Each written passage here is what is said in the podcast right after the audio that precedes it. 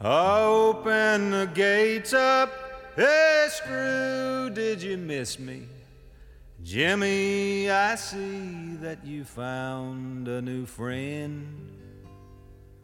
Warden, come down here and kiss me hello, cause I'm back home in Huntsville again. Welkom bij de Prison Show, programma over delict, straf, herstel en terugkeer. Oprecht, onafhankelijk en baanbrekend. Want iedereen heeft recht van spreken en verdient erkenning voor wie hij of zij is. Met Edwin En Frans. Yes, I'm back home in Huntsville again.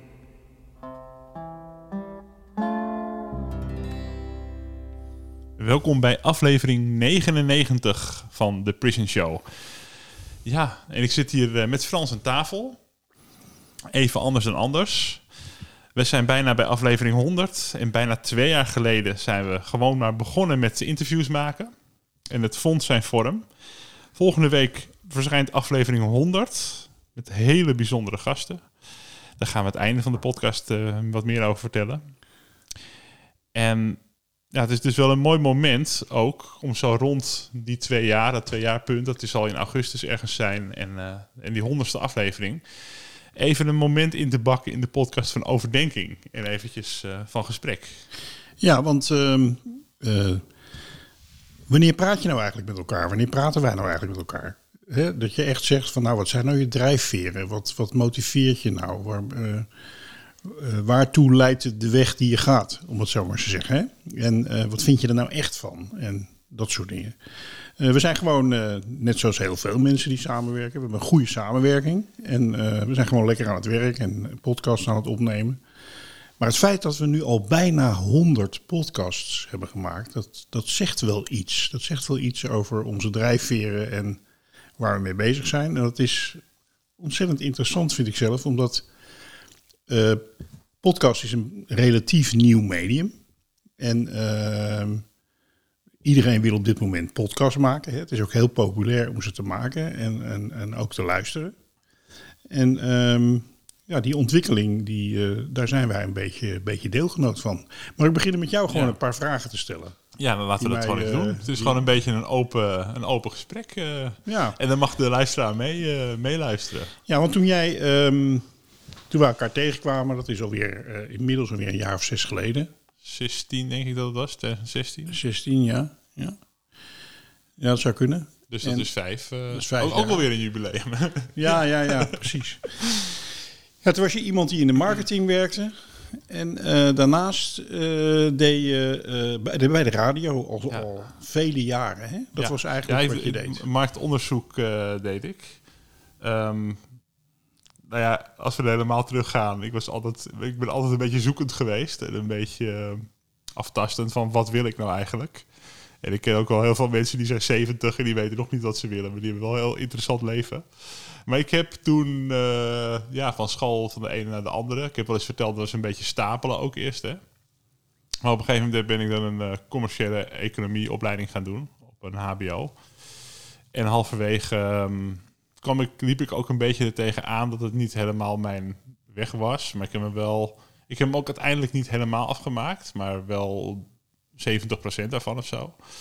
Ehm, het heeft me ook wel op wat bijzondere plekken gebracht. Bijvoorbeeld voor mijn stage mocht ik een half jaar naar Suriname toe in 2007. Dat soort, dat soort En waarom dingen. heb je hem niet afgemaakt? Omdat ik niet gemotiveerd was, maar ook weer niet naar mezelf wilde kijken van wat wil ik dan wel of zo. Dus ik heb er heel lang wel mee gestruggeld. En toen uiteindelijk die knoop toch werd doorgehakt van ja, nu heeft het gewoon geen zin meer. Ik ben er al jaren mee bezig en, en uit, uitgesteld. En bepaalde dingen heb je al gemist. En de opleiding werd al een beetje veranderd. Dus het werd heel moeilijk met studiepunten. En dat ik op een gegeven moment het besef had van dit gaat hem dus ook helemaal niet meer worden. Hm. Voelde dat eerst als een hele weggegooide tijd. Ja. Ehm, nu zie ik het iets anders, want nu kan ik het wel als een soort ervaring zien. Maar op dat moment denk je wel echt, voelde het wel alsof er een soort vloer onder je wordt weggetrokken van confrontatie. Of van, Ja. Ja.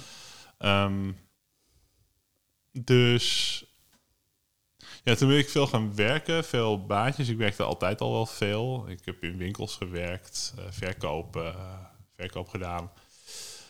Maar ik deed altijd als bijbaantje ook wel uh, marktonderzoek. Dus dat, het leuke daaraan was dat geen enkele dag hetzelfde was. Soms deed je onderzoeken voor grote maatschappelijke organisaties. of je stond op een gegeven moment een dag, twee dagen in een telefoonwinkel om mensen over telefoonabonnementen dingen te vragen. En dan sta je weer op een beurs. Ja. Ik weet nog bijvoorbeeld een, een vrachtwagen, vra bedrijfswagenraai. En dan leer je ook weer allemaal dingen over dat vakgebied. Dus geen enkele dag is hetzelfde. Je komt heel veel onder de mensen. Dat is wel wat bij je hebt past. heel veel gesprekjes met mensen Ja. je ze doorvraagt over Ja. een onderwerp. Inderdaad, echt het en- Ligt daar enquêteren. al eh, de eerste drijfveer van eh, de- gewoon, gewoon nieuwsgierigheid? Ja. Dat, eh, Nou, dat kon ik daar wel in kwijt. Je had natuurlijk wel je standaard vragenlijst. Maar ik had heel leuke contacten met gewoon de mensen. Gewoon in het benaderen. En daarna nog een heel gesprekje. Of leuke ontmoetingen had je wel met mensen. Ja. En ehm, dus dat, eh, dat heeft me wel... Dat paste er wel een beetje bij me. Maar daar dreigde ik op een gegeven moment iets te lang in, in te, blijven, te blijven hangen. Ik deed altijd wel radio door nog naast natuurlijk. Radio is altijd mijn grote liefde wel geweest. Ehm, op een gegeven moment ben ik ook op kantoor gaan werken, planning gaan doen voor, het, eh, voor een van die bureaus hier in Zaandam. En dat is ook wel eigenlijk wel leuk. Alleen op een gegeven moment bedacht ik wel, ja, ga ik dan hier. Want ik werd me ook gewoon ge- gevraagd op een gegeven moment of ik het bedrijfje over wilde nemen. En toen dacht ik, ja, dat is wel een eer dat ik daarvoor word gevraagd. Eh, alleen moet ik heel eerlijk zijn naar mezelf. Is dat het pad wat ik wil bewandelen? Ja. Is dat wat ik moet willen? Of wat, is dat ja, maar dan, dat doen? is wel een echte serieuze keuze dan. Hè? Als je een Ja. bedrijf over gaat nemen, dan, dan zeg je eigenlijk van ja, maar dit is waar ik voor ga. Helemaal. En ehm, naast het feit dat ik zie van de tijden veranderen en de manier van Ja. dat dat verandert, ik weet niet of dat wel toekomst heeft, had, het- had, dacht ik ook van ja, maar dit wil ik niet. Het is niet het pad. Ik zou er misschien wel rijk mee kunnen worden, maar niet gelukkig. Ja. Maar goed, als jij eh, als je aan jou vraagt van met jou praat over marketing, Mhm. dan vertel je heel eh, eh, ja, geïnteresseerd, vertel je gewoon van wat je daar doet. Maar als je met jou praat over radio en podcast, krijg je een heel andere gelaatsuitdrukking. Ja, dat is wel waar. Dat is, eh, daar, daar heb je me goed, eh, heb je me goed ge- gepakt. Ja. Ehm, dus wat, ja. wat leverde die radio? Want eigenlijk is dat wel een hele lange passie al van je. ja. Wat leverde jou dat op? Wat, wa- waarom word je daar zo blij van? Want dat is eigenlijk wat er gebeurt, hè? Je wordt er echt blij van. Ja, nou, het is eigenlijk al als kind dat je naar de radio luistert en daar een wereld in gaat zien. Ja. Eh, Dat je er een wereld in beelden bij krijgt. En sommige programma's waren magisch. Of je lag s'avonds in je bed en dan st- luisterde je stiekem nog even naar de radio. En er was een stem en die vertelde opeens een verhaal. Ja. Of toen, toen ik in de jaren 90, eh, 16, 15, 16 was, dan had je talk radio Ja. op de middengolf. Ja. En dan had je Willem de Ridder bijvoorbeeld. En die is Ja, verhalenverteller. En die het kon fantastisch mij meenemen in een wereld. En ik dacht op een gegeven moment, het was een soort fantasieverhaal. Maar het was helemaal echt op dat moment. Maar hou je ook van hoorspelen bijvoorbeeld? Ja, als het niet te oudbollig is. Hè, want je vond de, de eh, Paul Vlaanderen eh, hoorspelen Ja, of zo. Dat is heel oudbollig. ja, maar je hebt tegenwoordig ook wel weer leuke eh, moderne varianten daarvan. Dat het meer een soort van mockumentary of zo is. Eh, Radio Berg Eik had je natuurlijk de afgelopen jaren. Ja. Ik weet niet of je dat kent, maar dat was dan... ja. het- dat is gewoon wel veel meer geïmproviseerd. En dat speelt dan zogenaamd in een Brabants dorpje met allerlei heel, absurdisme. er is wel iets heel bijzonders gaande met, met geluid, vind ik. Want ik, ik, ik ben die wereld een beetje aan het ontdekken, zeg maar. Mhm. En ehm, ik was gisteren bijvoorbeeld op een school, gistermorgen. eh, eh, eh, om, eh, was op een school en dat ging dan over, was voor Future Me. Dat ging Ja. over mijn levensverhaal Ja. en ik had een boek bij me en dat soort dingen. Maar ook over ja, een beetje de boodschap van, goh, als je van ver moet komen, voor iedereen zijn er mogelijkheden om, om een mooi leven op te bouwen. Hè. Dat is eigenlijk een beetje de boodschap die, die je daar meegeeft. En het was een vrij laag niveau leerlingen. Hè, met een, een, vrij grote groepen ook. Dus ehm, die leerlingen hadden gewoon problemen om vragen te stellen. Ik doe dat heel graag interactief. Maar je merkte gewoon, ze waren heel gefascineerd aan het luisteren.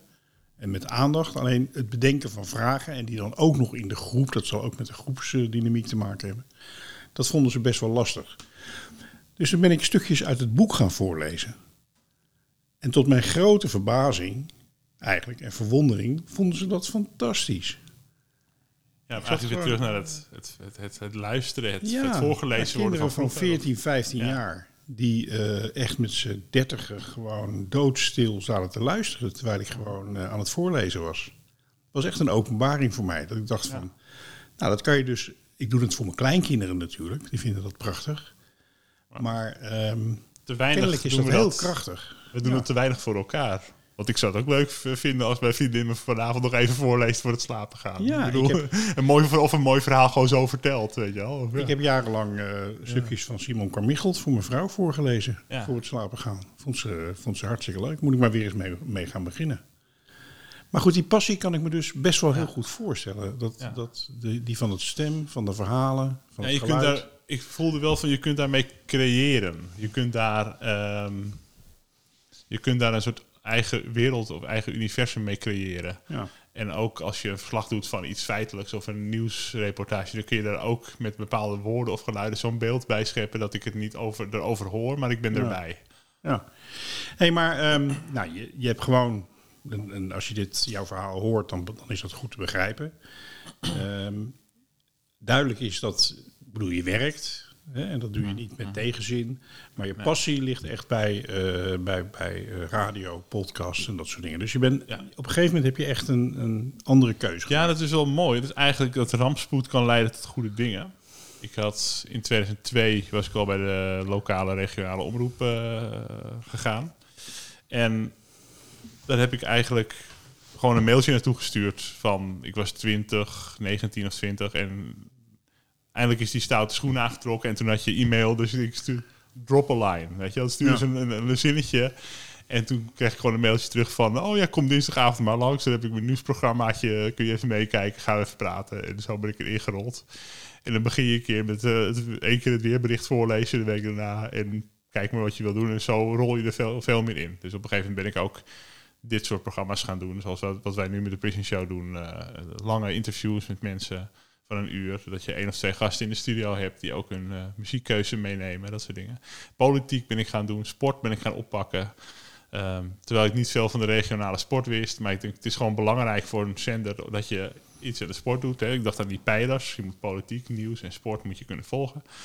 Dus eh, voetbalverslag mezelf aangeleerd. Met een soort van, nee, dan moet je helemaal een verhaal vertellen en een beeld overgeven via geluid. En, eh, maar eh, om naar die rampspoed te komen, daar werkte ik dus eh, flink lang. En ik had heel veel dingen op me genomen. Totdat er op een gegeven moment in 2017 een conflict ontstond. Dat heeft wel ruim een half jaar geduurd. Met een, eh, een hoofdredacteur die... eh, Ik ken ze allemaal, hè, want we hebben Ja. in die tijd nog een korte pilot van de Dat- Prison dat- dat Show klopt. Dus, als ja, radioprogramma ja. gedaan. Ja. Nou goed, het komt er eigenlijk op neer. Ik ga geen mensen zwart maken of, of inside dingen vertellen. Maar het komt er een beetje op neer dat, nou ja, dat ik daar heel veel spanning van kreeg ook. En ik ben op, werd, werd wel eens gewoon midden in de nacht wakker. Eh, ik moest overgeven. Nou, En dat was gewoon, gewoon puur van de spanning van... eh, en we hadden een bemiddelingstraject en we hadden eh, een bestuur dat zich erover boog. En er werden fetus en er werden online dingen over ons gezegd. En we zouden dit en we zouden dat. Nou, uiteindelijk is de hoofdredacteur is daar ontslagen. Want daar, daar zagen ze geen heil meer in. En ehm, ben ik uiteindelijk toch ook weggegaan. Een paar weken later, omdat een collega van ons, van van het clubje, zeg maar, we waren een soort klokkenluiders. Achtig, zo zie ik het achteraf eigenlijk. Dat je soort dingen aan de kaak stelt en dat je daar eh, juist de wind van voren hebt. Maar een van de die collega's is. eh, die moest een, kritiek, een brief met kritiek intrekken. En toen dacht ik, nou, dan ga, ik- dan ga ik met een paar anderen ga ik ook weg. En daar was ik echt best wel ziek van aan het begin. Alleen toen dacht ik wel van, oh, maar nu ga ik alles inzetten op podcast maken. Wat ik eigenlijk al een paar jaar daarvoor dacht. Alleen je zit zo eh, loyaal in zo'n club.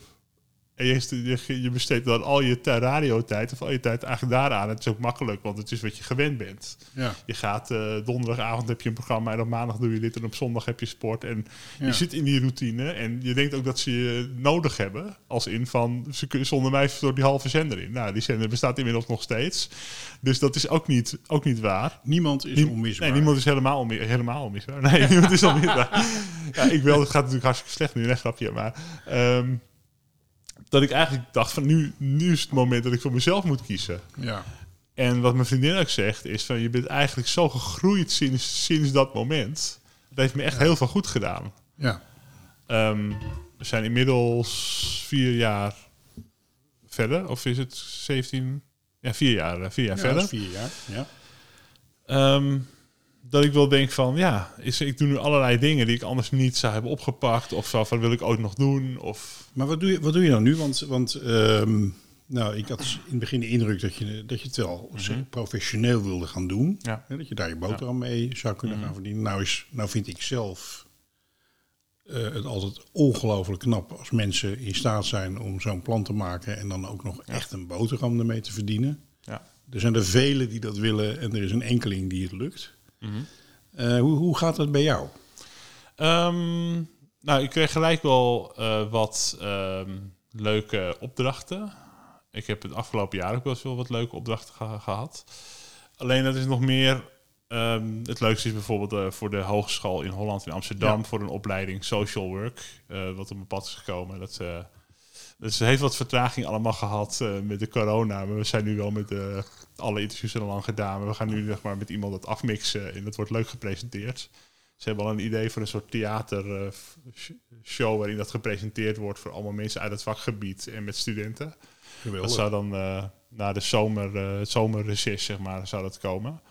Maar, ehm, en ik heb nog heel wat leuke opdrachten ook nog, nog verder gedaan. Alleen dat zijn dingen die gewoon voor mijn gevoel toevallig op mijn pad komen. Ja. En er komt steeds wel iets op mijn pad weer. Dus dat is ook wel weer heel leuk. Maar ik denk ook van, ja, ik moet eigenlijk veel meer een soort van plan schrijven. Of een soort acquisitieplan bedenken. Of een etalage voor mezelf maken met een website of een soort portfolio. Dat ik veel makkelijker kan presenteren. Daar ben ik nog een beetje mee bezig van hoe moet ik dat dan vormgeven. Daar zoek ik eigenlijk wel hulp bij ook nog. Ja, ja wat, ehm, eh, ik heb toevallig afgelopen weekend heb ik een eh, int- interview, eh, een podcast interview beluisterd van twee grootheden, beschouw ik ze een beetje op radio- en podcastgebied. En dat is Pieter van der Wielen van Nooit meer slapen en Chris Baarjema van De Man met de microfoon. Hè, dat zijn hele ervaren Ja, radiomensen die het Ja. ook heel erg goed doen. En die praten ook met elkaar over ja, eigenlijk een beetje precies de worsteling die jij hebt. In die zin dat zij eigenlijk ook jouw passie eigenlijk delen. Ik bedoel, Ja. het is, eh, ik, hoor bijna een identiek verhaal over die passie, waar die vandaan komt. Mhm. Maar vervolgens, ja, hoe ga je dat dan? Hoe vrij maak je jezelf in het kiezen van wat voor programma je maakt? Eh, ja je wilt, hoe daar heb je je je authenticiteit? Ja. Hoe, eh, hoe zorg je ook dat je je huur kan betalen, Ja. zeg maar? Nee, Dat- ehm, je hebt daar twee verschillende dingen in. Ik heb dat interview ook gehoord eh, van de man met de Oh, microfoon. je hebt het gehoord? Ja, van bij Nooit meer slapen was dat, van de ja, VPRO. ja, ja. Maar wat hij natuurlijk, je hebt, je hebt aan de ene kant je eigen, eigen podcast die je maakt, zoals ik nu met jou de Prison Show maak. ja. Ehm, ja, daar kun je sponsors voor gaan zoeken of dat soort dingen. Of je kan zeggen, dit is gewoon mijn passieproject en daar hoef ik geen geld voor mee te verdienen. En je hebt, wat ik dan ook doe, is voor een bedrijf een podcast gaan maken. Zoals voor de Hogeschool in Holland. En daar, daar word je dan voor betaald. Ja. En dat is eigenlijk... ehm, je stopt wel je creativiteit erin, maar je bent niet de eerste initiator van dat idee. Dus je bent veel meer producent. Dus gewoon, eh, ja. Chris Baarma doet het Ja. ook soms. Gewoon heeft hij gewoon een opdracht voor een koffieketen of wat dan ook. Ja. Maar dan, heb je, dan ben je veel meer een soort van producent die, die de interviews uitvoert. En ik had laatst bijvoorbeeld voor in Holland. Nou, we moeten nog even een ochtend met iemand eh, een reshoot doen voor het interview. Want ze moeten het even op een andere manier vertellen. Ja. Ja, dat vind ik dan allemaal goed. Alleen dan.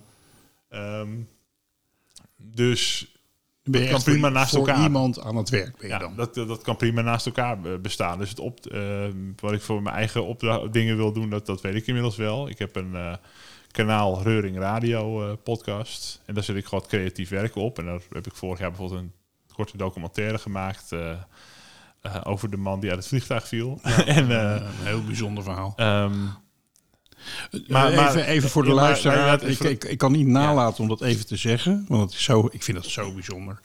Dat gaat over iets wat eh, 20 jaar geleden gebeurd is. Of 25 jaar. ja, nee, het is eh, 2000, 2000, september 2000 was het. Ja. Ja, is die man dus, dat was een, die was gevlucht, die had voor de politie, een Rus notabene. Die was in een, in een landingsgestel van een vliegtuig eh, geklommen.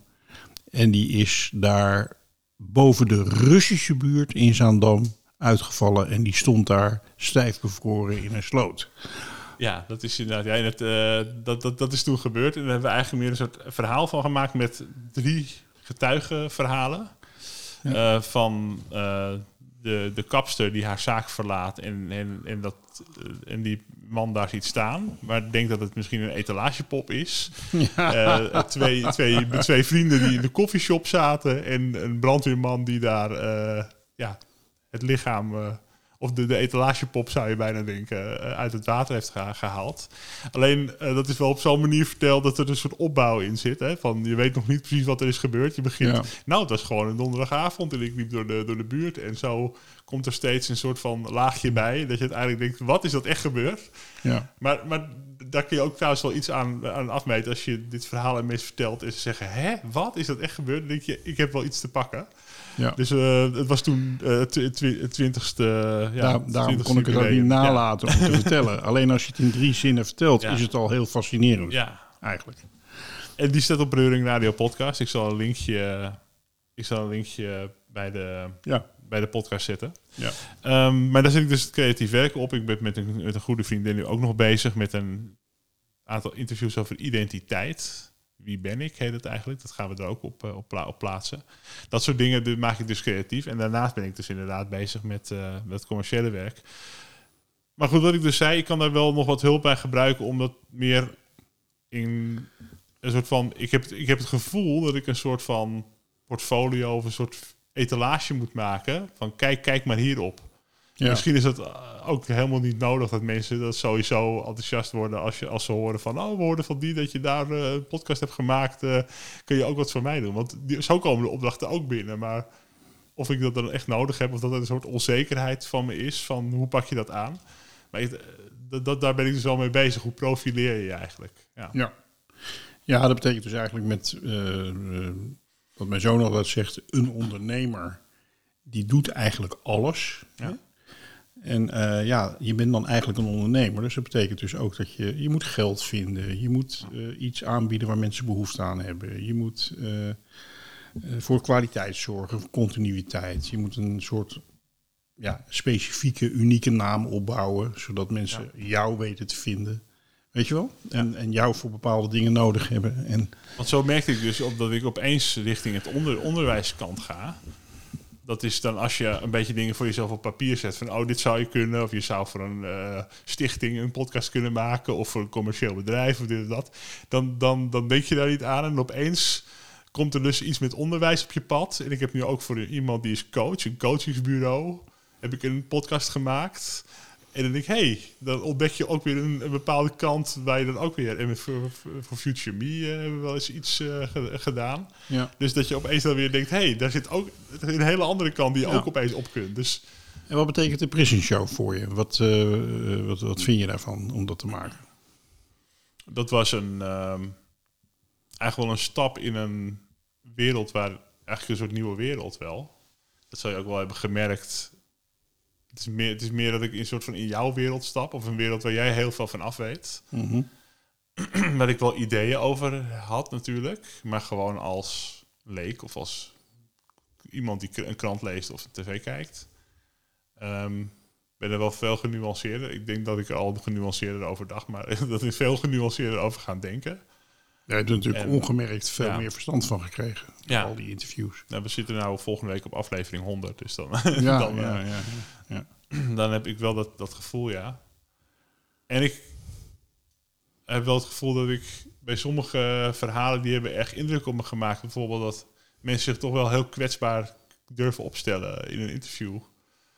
Als jij eh, iets op je kerfstok hebt gehad waar je je eigenlijk voor schaamde of, eh, of iets heel ergs hebt meegemaakt als slachtoffer of nabestaande. Of, nou, ik heb daar eh, verschillende, verschillende voorbeelden van. eh, opgeschreven ook eventjes. Maar dat zijn wel... bijvoorbeeld een van de uitzendingen die ik heb opgeschreven... is met de nabestaanden van slachtoffers van een cold case. Ja. Die zijn natuurlijk best getraumatiseerd. En dat is ook iets wat nooit helemaal is afgerond. Hè, dat was dan eh, aflevering... Ik heb het er even bijgezet. ehm, aflevering 58. Ali Speksnijder, Vicky van der Meijs en Suus Joosten. bijvoorbeeld. Ja. Die, ehm, ja, die zijn altijd bezig nog met wat er gebeurd is. En om dat mee te nemen in hun hele leven. Maar, dat was zo... Wat, wat, wat zo indruk maakte was eh, de openheid waarmee ze dat vertelden. En toch ook weer de kwetsbaarheid eh, in zo'n interview. Ja. ja, dat is indrukwekkend. Dat, dat, dat, dat zijn vooral de dingen die indruk hebben gemaakt. eh. Ja. ja. Ja, ik heb zelf ehm, ook nagedacht, hè, waarom, waarom doe ik dat nou? Dat zijn nou eigenlijk mijn drijfveren. En ehm, ja, die zitten hem, wat mij betreft niet zozeer in, eh, in, in het justitiële eraan, hè, in, het, in de gevangeniswereld en dat soort dingen. Want dat, eh, dat, is, dat is wel ook een passie en dat, daar weet ik ook het nodige van natuurlijk, na eh, zo'n lange loopbaan in die sector. Maar als ik kijk naar bedrijfveren, dan eh, kom ik in ieder geval uit een familie waar bijna iedereen een vorm van theater doet, theatraal is. Hè? Dus toneel speelt, muziek maakt, allemaal dat soort dingen. Dus ik ben wel een, een persoon die het leuk vindt om op te treden. En zelfs als gevangenisdirecteur heb je toch heel vaak dat je voor gezelschappen moet praten en, en eh, lezingen moet geven en verhalen moet vertellen. Nou, dat is, dat, daar ben ik wel van. zeg En je speelt natuurlijk ook de rol van de directeur van een gevangenis. Ja, dat is ook heel duidelijk. Hè? Je, bent, eh, je, je bent gewoon jezelf. Ik ben wel altijd heel erg mezelf geweest. Alleen, eh, zoals je als podcastmaker een aantal spelregels hebt waar je aan moet houden. En gedragsregels heb je dat als directeur natuurlijk helemaal. Hè? Met een hele grote verantwoordelijkheid voor een organisatie en, eh, en allemaal dat soort dingen. Ja, zeker, zeker. Maar, maar zo kom je dus ook bij het maken van radio. Het is natuurlijk ook een optreden. Ja, het is een Voor vorm een van, van optreden. Er is publiek. eh, je wil iets moois neerzetten. Je wil een goed verhaal voor het voetlicht brengen. Ehm, waarbij overigens, en dat, daarom past voor mij en in mijn leven radio maken wel heel erg eh, bij deze fase in mijn leven. eh, dat ik het eigenlijk nog leuker vind om een ander een podium te geven. als dat ik zelf helemaal het podium neem. Ja. Ik, vind, ik vind dat heel leuk. Dat is eigenlijk ook wat we doen hè, in de podcast. Ja, dus die kant wel erg op gaan van het geven van een podium. Ehm, nou, over de rol van de podcast wil ik straks nog even, nog even Ja. verder. Maar ehm, de, het, ma het maken van podcast. ehm, ja, dat, dat is natuurlijk ook als je het als een duo, als je het als een duo doet. Ja. Dat is ook niet makkelijk om dat met iedereen zomaar te doen. Hoe, hoe Ja. vind je dat dat gaat als duo?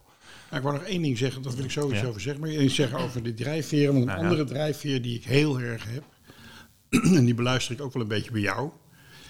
Maar in ieder geval voor mij geldt dat ik, als ik op een terrasje zit eh, en ik kijk naar het passerende publiek, of ik zit met mijn kleinzoon een ijsje te eten op een muurtje aan de, aan de, aan de gracht in, eh, in Zaandam, dan ben ik toch zo nieuwsgierig wat al die mensen die ik zie. Wie, wie ben jij? Wat doe jij? Eh, ben, je, ben je een alleenwonende werkeloze man? Of heb je een gezin met vijf kinderen? En eh, ben je chef Ja. van, eh, je van de microfoon- manufacturenafdeling van... eh, Moet je echt de microfoon meenemen een keer? nou, ik baal er gewoon ontzettend van dat, dat, die, dat de wereld van andere mensen maar zo beperkt toegankelijk voor me is. Ja. En wat ik, eh, terwijl ik het toch heel graag eigenlijk wel wil weten, want ik heb ook gemerkt dat eigenlijk praktisch iedereen die ik ontmoet, heeft ook een interessant verhaal. Als je het er maar uit weet te halen. Hè? En als die persoon het maar weet te vertellen. Dat, dat is leuk dat je dat zegt. Ik was eh, eh, met mijn vriendin mee naar de sporthal voor een vaccinatie. eh, dus we reden samen even daar naartoe. Dus ik moest even 20 minuten buiten wachten. En ik denk, heel veel mensen staan dan op met een telefoontje altijd. Weet je wel, staan ze op dat stomme schermpje te kijken, maken geen contact. Maar ik denk, ik ga er gewoon eens rondlopen. En toen stonden er twee dames. Die stonden daar eh, van het, ja, in zo'n gele jas het verkeer een beetje zo eh, te zeggen waar je kon parkeren. Die stonden de hele dag op die parkeerplaats te werken om dat in goede banen te leiden. Ja.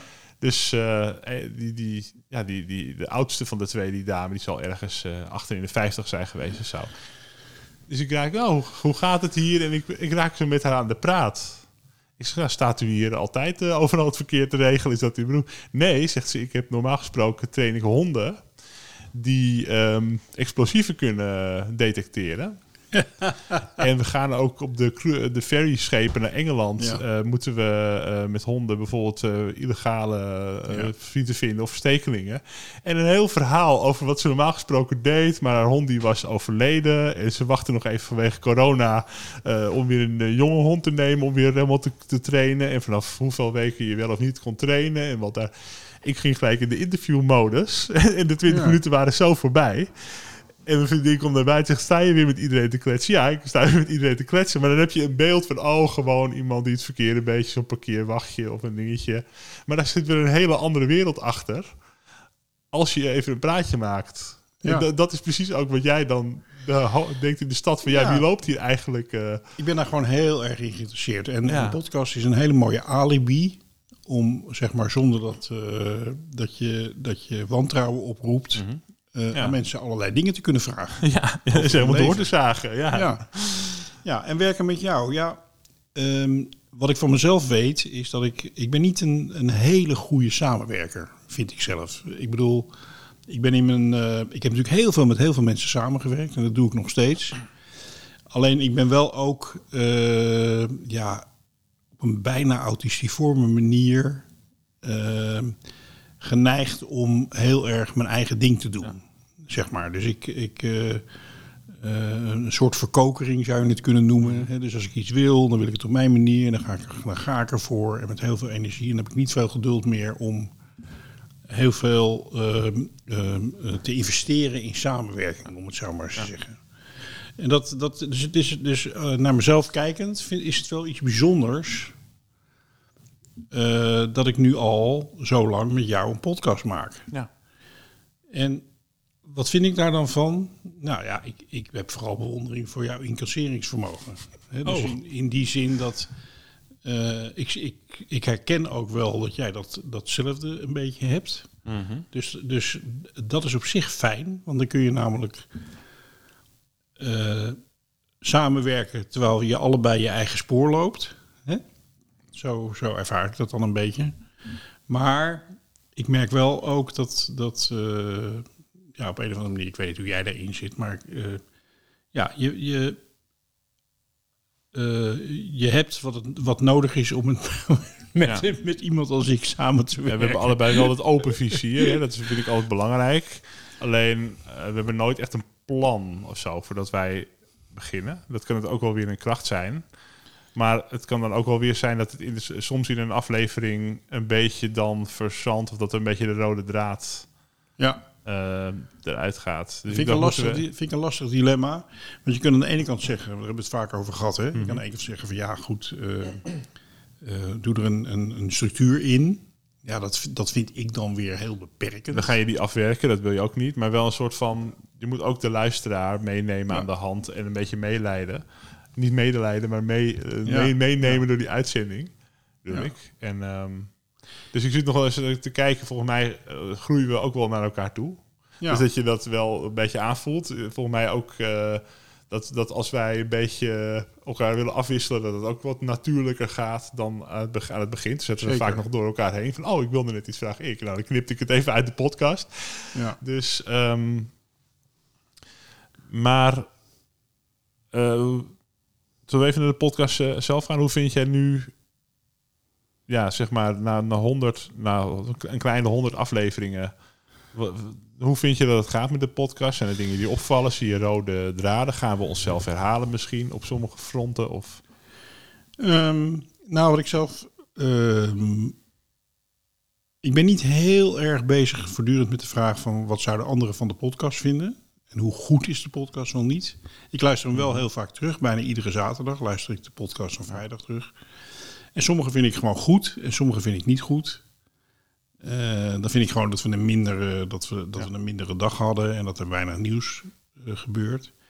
Wat ik wel merk is dat we eh, echt voortdurend bezig zijn om ons te verbreden en te vernieuwen. Min of meer automatisch. Dus, dus wat ik daarmee wil zeggen is, we gaan bijvoorbeeld nu steeds meer maatschappelijke onderwerpen doen. Hè, van hoe leven we eigenlijk met elkaar hier in Nederland? Als een soort achtergrond van waaruit ook ellende zoals criminaliteit kan voorkomen.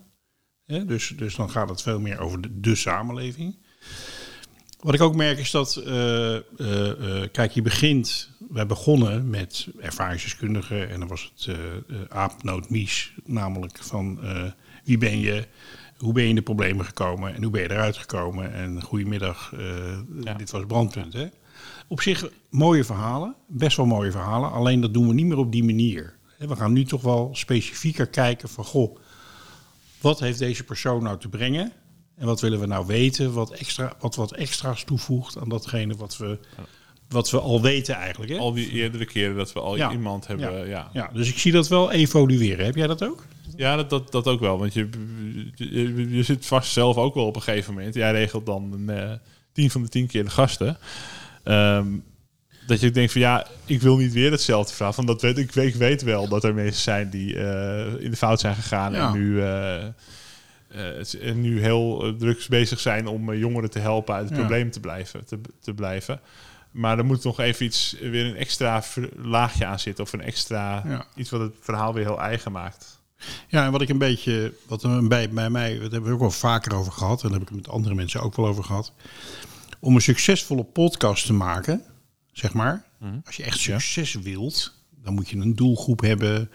Dan is het fijn als mensen uh, lid worden, sponsor, gaan sponsoren. Uh, jezelf heel specifiek op de markt zet. Uh, de, de luisteraars op allerlei manieren betrekt. Hè? Dus dan moet je veel methodischer eigenlijk gaan werken. Hè? Dan, heb je eigenlijk, dan moet je ook aan marketing doen en dat soort dingen. Ik merk aan mezelf dat ik daar ontzettend weinig zin in heb. En ook niet, volgens mij niet goed in ben. Ik ben een beetje een, toch een figuur die wat autistiform, zeg maar. Uh, ik vind het leuk om met mensen te praten. Als ik iemand interessant vind, dan vind ik het leuk om een podcast met die persoon te maken. En uh, nou, dan, dan doe ik dat. En dan, uh, dan is het dat. Snap je?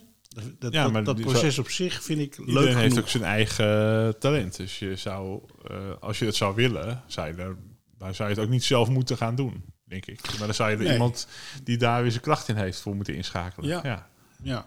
ja. ja maar dan zou je dan, het, ik, ik, weet al van tevoren, voel ik aan mijn water, dat als ik, uh, dat, ik merk het in andere projecten ook, dan komt er een marketeer bij of, of, of uh, uh, mensen die daarvoor doorgeleerd hebben of daar heel veel geld mee verdienen. En die zeggen altijd van ja, ik neem niks van je over. En die gaan wel allemaal verstandige dingen zeggen, maar die moet jij wel uit gaan voeren. Ja. Snap je? Dus eh, bij mij is er ook wel een soort van vraag van, goh, heb ik daar zin in? Om iemand te, die, die, die zegt van nou, ik kan jou, jouw project kan ik eh, binnen een jaar uh, uh, kan ik naar 10.000 luisteraars of 20.000 luisteraars brengen, bij wijze van spreken. Want er zit genoeg potentie in. En alle stappen die daarvoor nodig zijn, daar ga ik jullie in begeleiden. Ja, ja ik weet zeker dat we dan dat het dan iets heel anders wordt, zeg maar. Dat Voor mij ook. Dat wordt ook wel flink investeren dan. tijd. Dan wordt het echt investeren. Nou, heb je de, de zin, de ambitie, vind je dat leuk? Weet je wel? Ik heb, ehm, en dat is bij mij ook, ik heb sowieso een allergie om uh, naar andere mensen te luisteren en te doen wat andere mensen zeggen. Al honderd, al honderd afleveringen luister je niet naar me. Dus dat, houden we ook zeker. nee, en ik heb ook, ook natuurlijk 40 jaar bij justitie gewerkt. Dus ik ben ook wel een beetje klaar met ehm, Ehm, ik, ja, als ik enigszins kan vermijden, dan heb ik liever geen mensen uh, om me heen die mij vertellen wat ik moet doen. Ja. Zeg maar. Maar dat is, ik realiseer me dat dat geen, uh, uh, geen kracht van me is, zeg maar. Ja. Nee, maar je hebt ook bijvoorbeeld mensen die kunnen de, dus ja, je begint natuurlijk, je kan heel klein doen, social media en een Instagram-account, maar je kunt natuurlijk ook veel meer bepaalde doelgroepen zoeken op, op groepen online en dat daar uh, maar dat moet iemand anders plaatsen doen. en dingen. Dus dan dat is ook wel tijd investeren. Maar er zijn ook of, moeilijk of mensen. Die, ja. En er zijn ook moeilijk mensen voor te vinden. want uh, ik, ik, ik ben heel duidelijk van de inhoud. Maar ik zie ook dat we hebben wel echt de mensen die ik om me heen heb, zoals jij, en, uh, maar ook mensen van de mhm. Stichting Herstel en Terugkeer en, en anderen waar ik projecten mee doe. Het is niet zo dat mensen dat uh, zelf gaan doen. Zeg maar. Het is ook echt een hele strategie en een hele kunst om dat heel goed te doen. Ja, en uh, onze doel, we hebben wel een doelgroep, denk ik, maar die is niet zo narrowed down, niet zo specifiek. Nee. Um, zoals dat ik uh, luister naar de NOS voetbalpodcast. Ja, dat is gewoon de doelgroep is iedereen die van voetbal houdt en het, de, de, analyse wil horen. Ja, dan heb je een hele duidelijke doelgroep. Ja. Of de eh, Lego blokjes eh, podcast of zo. Nou, het Maar- eerste wat mensen tegen je gaan zeggen, en de mensen die ik gesproken heb hierover, als je eh, je podcast heel succesvol Ja. met veel luisteraars wil maken, dan moet je dus keuzes gaan maken van welke precieze doelgroep wil je bedienen. Anders Ja, dan verwaai je als het ware over het land. Nou ja, eh, ik vind dat verwaaien niet het ergste wat er is. Nee, want wij krijgen dus wel ehm, reacties ook van mensen die zeggen... deze specifieke aflevering en die specifieke aflevering... deel ik met mensen die in een bepaald vakgebied zitten. Ja. Want dat is interessant voor ze. Oh, luister hier eens naar. En die luisteren naar aflevering 60 en naar aflevering 83... omdat het over hun vakgebied gaat. Ja, en dan zitten ze wel twee uur naar jouw podcast te luisteren. Ja. Dus dat is wel, ja, ik vind dat niet niks. Als het bijvoorbeeld gaat over iets over met jongeren werken of over eh, met, op scholen of zo. Hè? Of Ja. eh, eh, we hebben het bijvoorbeeld wel eens over opvoeding. Nou, dan is het voor mensen met een pedagogische achtergrond is het heel interessant om die, die specifieke eh, aflevering te, te luisteren. En die wordt dan ook wel gedeeld. Ja. Hey, en als je nou kijkt naar. ehm, eh, we hebben natuurlijk. we zijn op een gegeven moment begonnen. Toen kregen we COVID, wat ons heel erg beperkt heeft in, in Ja. een aantal opzichten. Nou, we zijn nu een beetje, lijkt het, uit het moeras aan het komen hè, van, van de COVID. We zijn er nog. Ja. We zitten nog een beetje in, maar het. eh, dus, dus heb jij nog, nog wensen voor de, voor de toekomst? Dingen waarvan je denkt van nou. eh, ik wil even een voorbeeld noemen. Voor Voor de- de, zomer zei je Mhm. van laten we een, een soort zomerprogrammering maken met bepaalde thema's. Ja, dat, dat, Eh, dat lijkt me leuk. Over bijvoorbeeld over, ehm, over wat is vriendschap of wat is vertrouwen. Vertrouwen, bijvoorbeeld een, een gesprek met een paar mensen over vertrouwen. Ja. Eh, ik ben jouw boek nu eh, eindelijk aan het lezen. Nu ja, pas. Je staat, ja, je staat met de oren te klapperen dat ik eh, boeken lees, maar dat is, je hebt me het zelf echt gekregen. Nee, maar je schrijft ook over vertrouwen. Je- Ja. En ook, eh hebben we het wel vaak over gehad, maar ook binnen bepaalde verhoudingen als directeur van een gevangenis naar gevangenen toe, of met de mensen waarmee je werkt, of in het, in het leven met mensen van wat, wat is Ja. vertrouwen. Nou, om daar bijvoorbeeld een, eh, een uitzending over te maken, of over eh, vriendschap, of over nou, dat soort thema's. Ja. Themagesprekken, dat lijkt me interessant. Ja. Eh, het lijkt me ook eens leuk om een special te maken, of een veel meer documentaire stijl, zeg maar. Iemands levensverhaal of over een bepaald onderwerp, dat je daar heel veel experts over spreekt. Mhm. Maar daar, moet, daar zouden we gewoon veel meer tijd in moeten investeren. Maar als daar een, een, Ja, dan moet je eigenlijk, dan zou je dus een, ehm, een budget ook voor moeten... een draaiboek moeten maken ja. en dat Ja. soort dingen. Dat wat jij eigenlijk al gedaan hebt. Ja. En, dus ehm, ehm, zo'n soort programma een keer maken. Dat, je, dat er een, spin of al een documentaire komt. Maar daar moeten we dan ook wel even kijken van... eh, daar gaat veel tijd in, eh, eh, in zitten. Dus eh, kunnen we daar een budget ergens voor, eh, voor krijgen? Of, of, of is er een bepaalde doelgroep aan te koppelen, eh, et cetera? ja. En het lijkt me ook heel leuk om gewoon een, een podcast, een reguliere podcast, op te nemen voor publiek een keer. Op een eh, festival of op een locatie. Ja. Ja. ja. Nou, dat zijn best wel heel veel grootse ideeën eigenlijk. Dus dat zijn al een paar be- beginideeën. Die echt al behoorlijk veel verder gaan als, eh, als, ehm, als een gesprek opnemen en uitzenden. Ja. Ja, Ja. Ja mooi. Dus, dus dat is eh, eh, eh, een beetje, ehm, ja. Ja, dat... dat Wat, wat, wat zijn voor jou, ik weet niet of je een beetje hebt teruggekeken door de, door de playlist. Ik, ik heb dat wel gedaan. Even gisteravond. Heb jij bepaalde gesprekken die je heel erg bijblijven? Ja, ik heb, ik heb best een aantal gesprekken die me bijblijven. Eh, ik, sommige podcasts vond ik ook echt heel baanbrekend, zeg maar. Dus bijvoorbeeld eh, de moeder van eh Helene, de moeder van Michael P., vond ik echt een hele mooie podcast. En ook Ja. baanbrekend. In de zin van dat, dat daarmee een, iemand recht van spreken kreeg die dat normaal gesproken niet, eh, Ja. niet, niet krijgt. Ehm, Nou, dat is toch wel... de kwetsbaarheid van Ja. zo'n Alessandro vond ik heel bijzonder. Mhm. Die, die dus eigenlijk vertelt dat hij in de podcast eh, dat hij een eh, Alexandro Reyes Rodriguez, dat hij zelf is misbruikt en dat later zelf ook is gaan doen. Weet je wel, dat, Ja. dat is toch wel wat om dat te vertellen, zeg, tijdens zo'n eh, zo'n podcast. Ehm, maar ook, ook ja, heel veel nabestaanden die we gesproken hebben, die toch wel een heel ja, een heel eh, emotioneel, maar ook heel rauw en een heel open verhaal eigenlijk allemaal hadden over wat ze voelen en wat ze meemaken en hoe ze dingen verwerken. Ehm, dus inderdaad, de eh, cold cases, eh, eh, nabe- nabestaanden. Dus komen we toch weer bij die openheid in, die, in je kwetsbaarheid, Ja, ja, Ja. wat indruk maakt. ja maar ook mensen die. die dus dat zowel aan de slachtofferkant als aan de daderkant, zeg maar. Dus, dus ook bijvoorbeeld Piet Broenland, die. Nou, gewoon een hele intelligente en vaardige man, maar die, die gewoon twintig jaar verslaafd is geweest, waarvan tien jaar in de gevangenis heeft gezeten. Ja, dus, dus die, als je je realiseert wat mensen dan door, doorgemaakt hebben, dus daar hebben we toch ook best een aantal gasten Ja. van gehad. Ja, er zijn nog eh, zeker voor nieuwe luisteraars eh, wel wat afleveringen om eh, zeker eventjes te beluisteren in ons archief. Ja. Ik zit die linkjes ook allemaal in de, in de show notes. Ehm, nee, maar om nog eventjes inderdaad ook te- terug te komen, te komen op juist die kwetsbaarheid. De meest ja, dappere persoon die we hebben geïnterviewd is volgens mij wel inderdaad Helene, eh, de moeder van Michael P. Ehm, daar is nog een heel staartje, heeft er nog aan vastgezeten later natuurlijk. Ja. Ja, toonde dat aan dat er toch nog wel taboes zijn in Nederland. Ja, dat sowieso. Eh, maar misschien is het ook goed om nog iets anders te vertellen over de gasten. Ehm, we hebben natuurlijk een podcast, maar we hebben ook de Stichting Herstel en Terugkeer. Daar, daar, eh, dat is zeg maar de, de organisatie waarvan uit de podcast gemaakt wordt.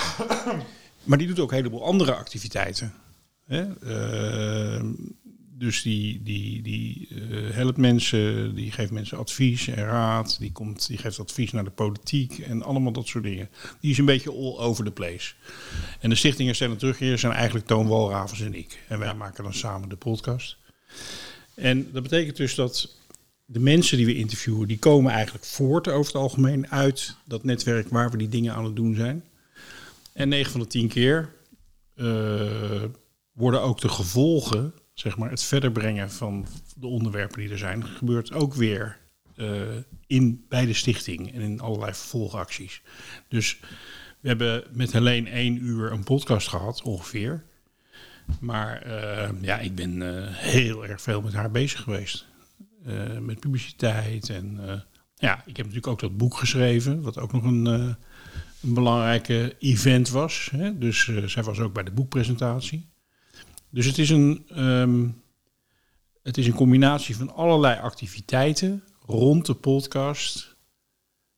of de podcast als ondersteuning van die activiteiten die zich afspeelt binnen die stichting. En dat is wel ehm, een ding waar ik zelf nog niet helemaal uit ben. Van eh, eh, wat, wat, wat, wat ga ik nou, hoe ga ik daar nou de komende jaren mee om? Want ik ben 66. Zou je niet zeggen? Dankjewel. Ehm en ik doe best wel ongelooflijk veel dingen. Dus ik ben wel best wel all over the place. En de vraag die, die, die, die zich aandient is natuurlijk ook van... moet ik daar geen keuzes in gaan maken op een gegeven moment? Dat je niet alleen maar... eh, want eh, nou ja, die stichting die vraagt ook best wel veel. Die is, is ook gesubsidieerd nu voor dit jaar. Dus dat betekent ook weer meer verantwoordelijkheid en meer activiteiten en dat soort dingen. Ehm, ik, eh, aan de ene kant denk ik van nou, misschien moet je wel gewoon alleen nog maar podcast maken, bij wijze van spreken. Maar ja, dan vind ik het aan de andere kant weer zo zonde om al die andere dingen op te geven. Dat doe ik dan niet, snap je?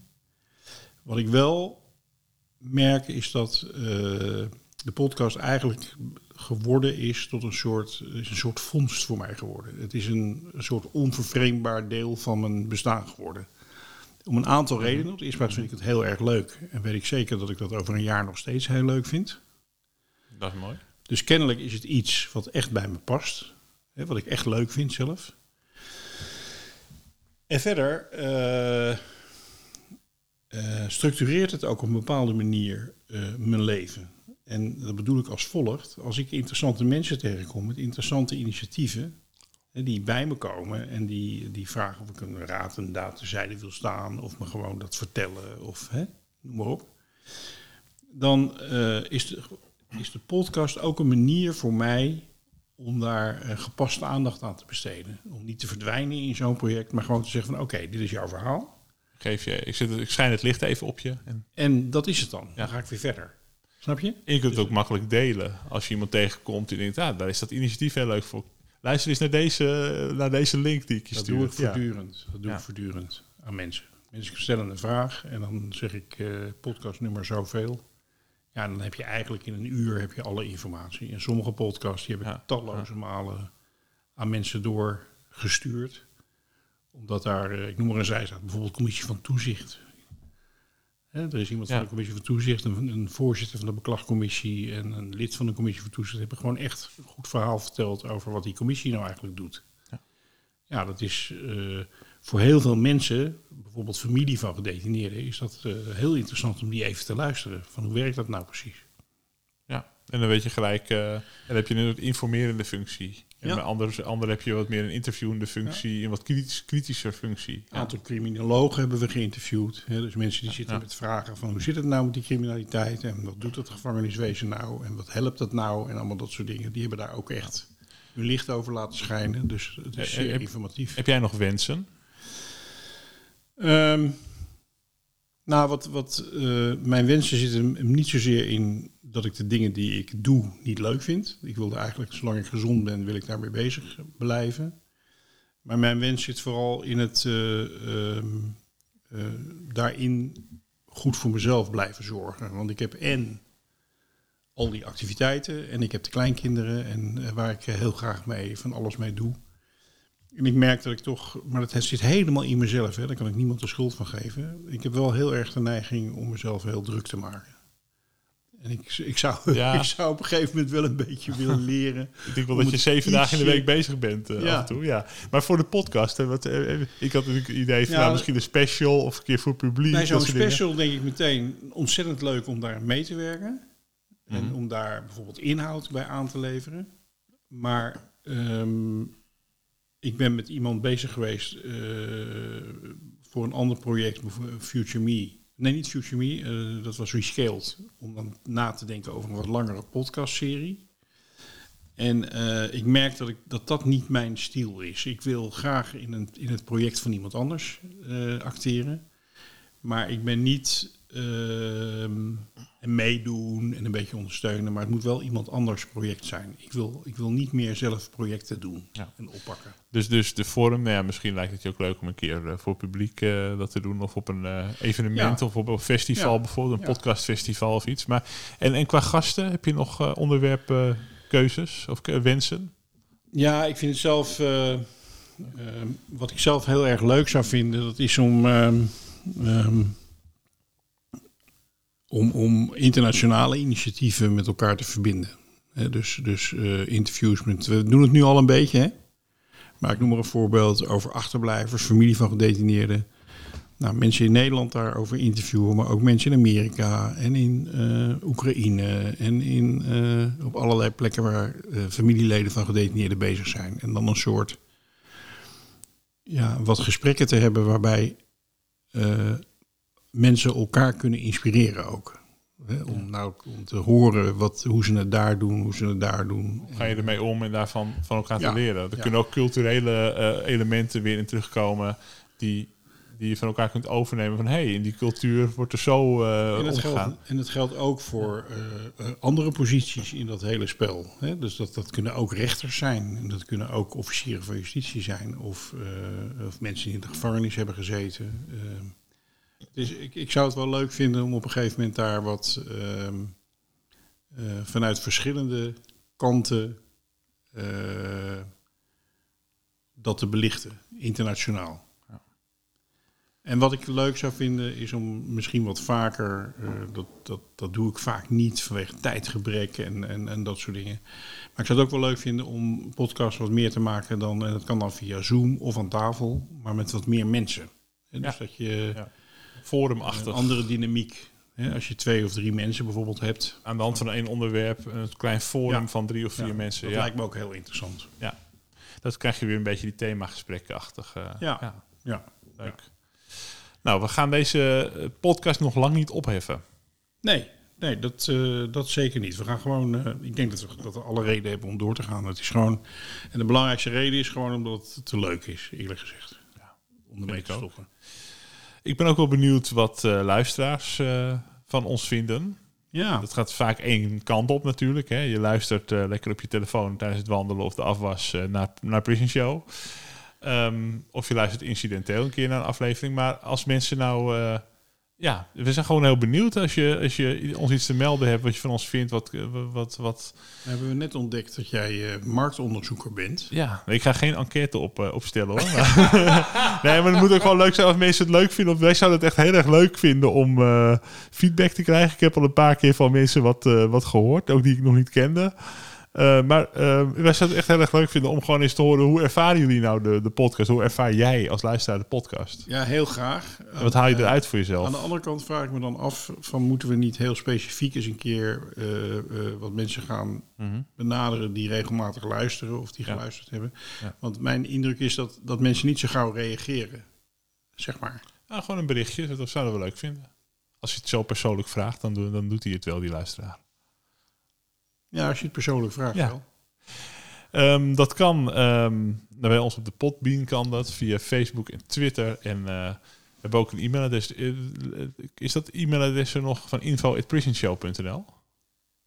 Ehm, Dat zetten we wel even in de show notes. ja, zeker. Ja, is Zo, goed. nou, Als het goed is, is die wel doorgelinkt namelijk. Dus vandaar.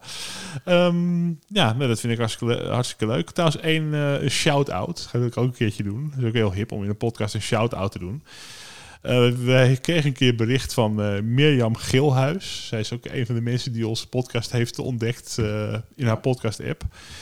En stuurt onder andere, als we iets doen met leren en onderwijs, stuurt ze dat naar allemaal mensen om dat te beluisteren in dat, in, dat, in, dat, in dat vakgebied. En zij is zelf ook een podcast begonnen. Dat heet De Onderwijsoase, waarin ze Mhm. mensen interviewt over onderwijs en hoe breng je nou kennis over. Ja. Dus dat is gewoon eventjes een, eh, Een shout-out. een shout-out, hè? Dat heet een shout-out. Lekker hip. Leuk. Dus de onderwijsoase, luister daar ook naar. Ja, leuk. Ja. En delen is het nieuwe ontvanger, geloof ik. Ja, sharing is caring, hè? Ja. Ja, ja, ja. Ik, eh, ik ben trouwens voortdurend ook eh, andere podcasts aan het promoten op, op de sociale media. Daar wil ik ook wel een shout-out doen. En dat is eh, dat luisteraars eh luisteren vooral naar buiten de muren. Dat vind ik zelf een hele mooie podcast.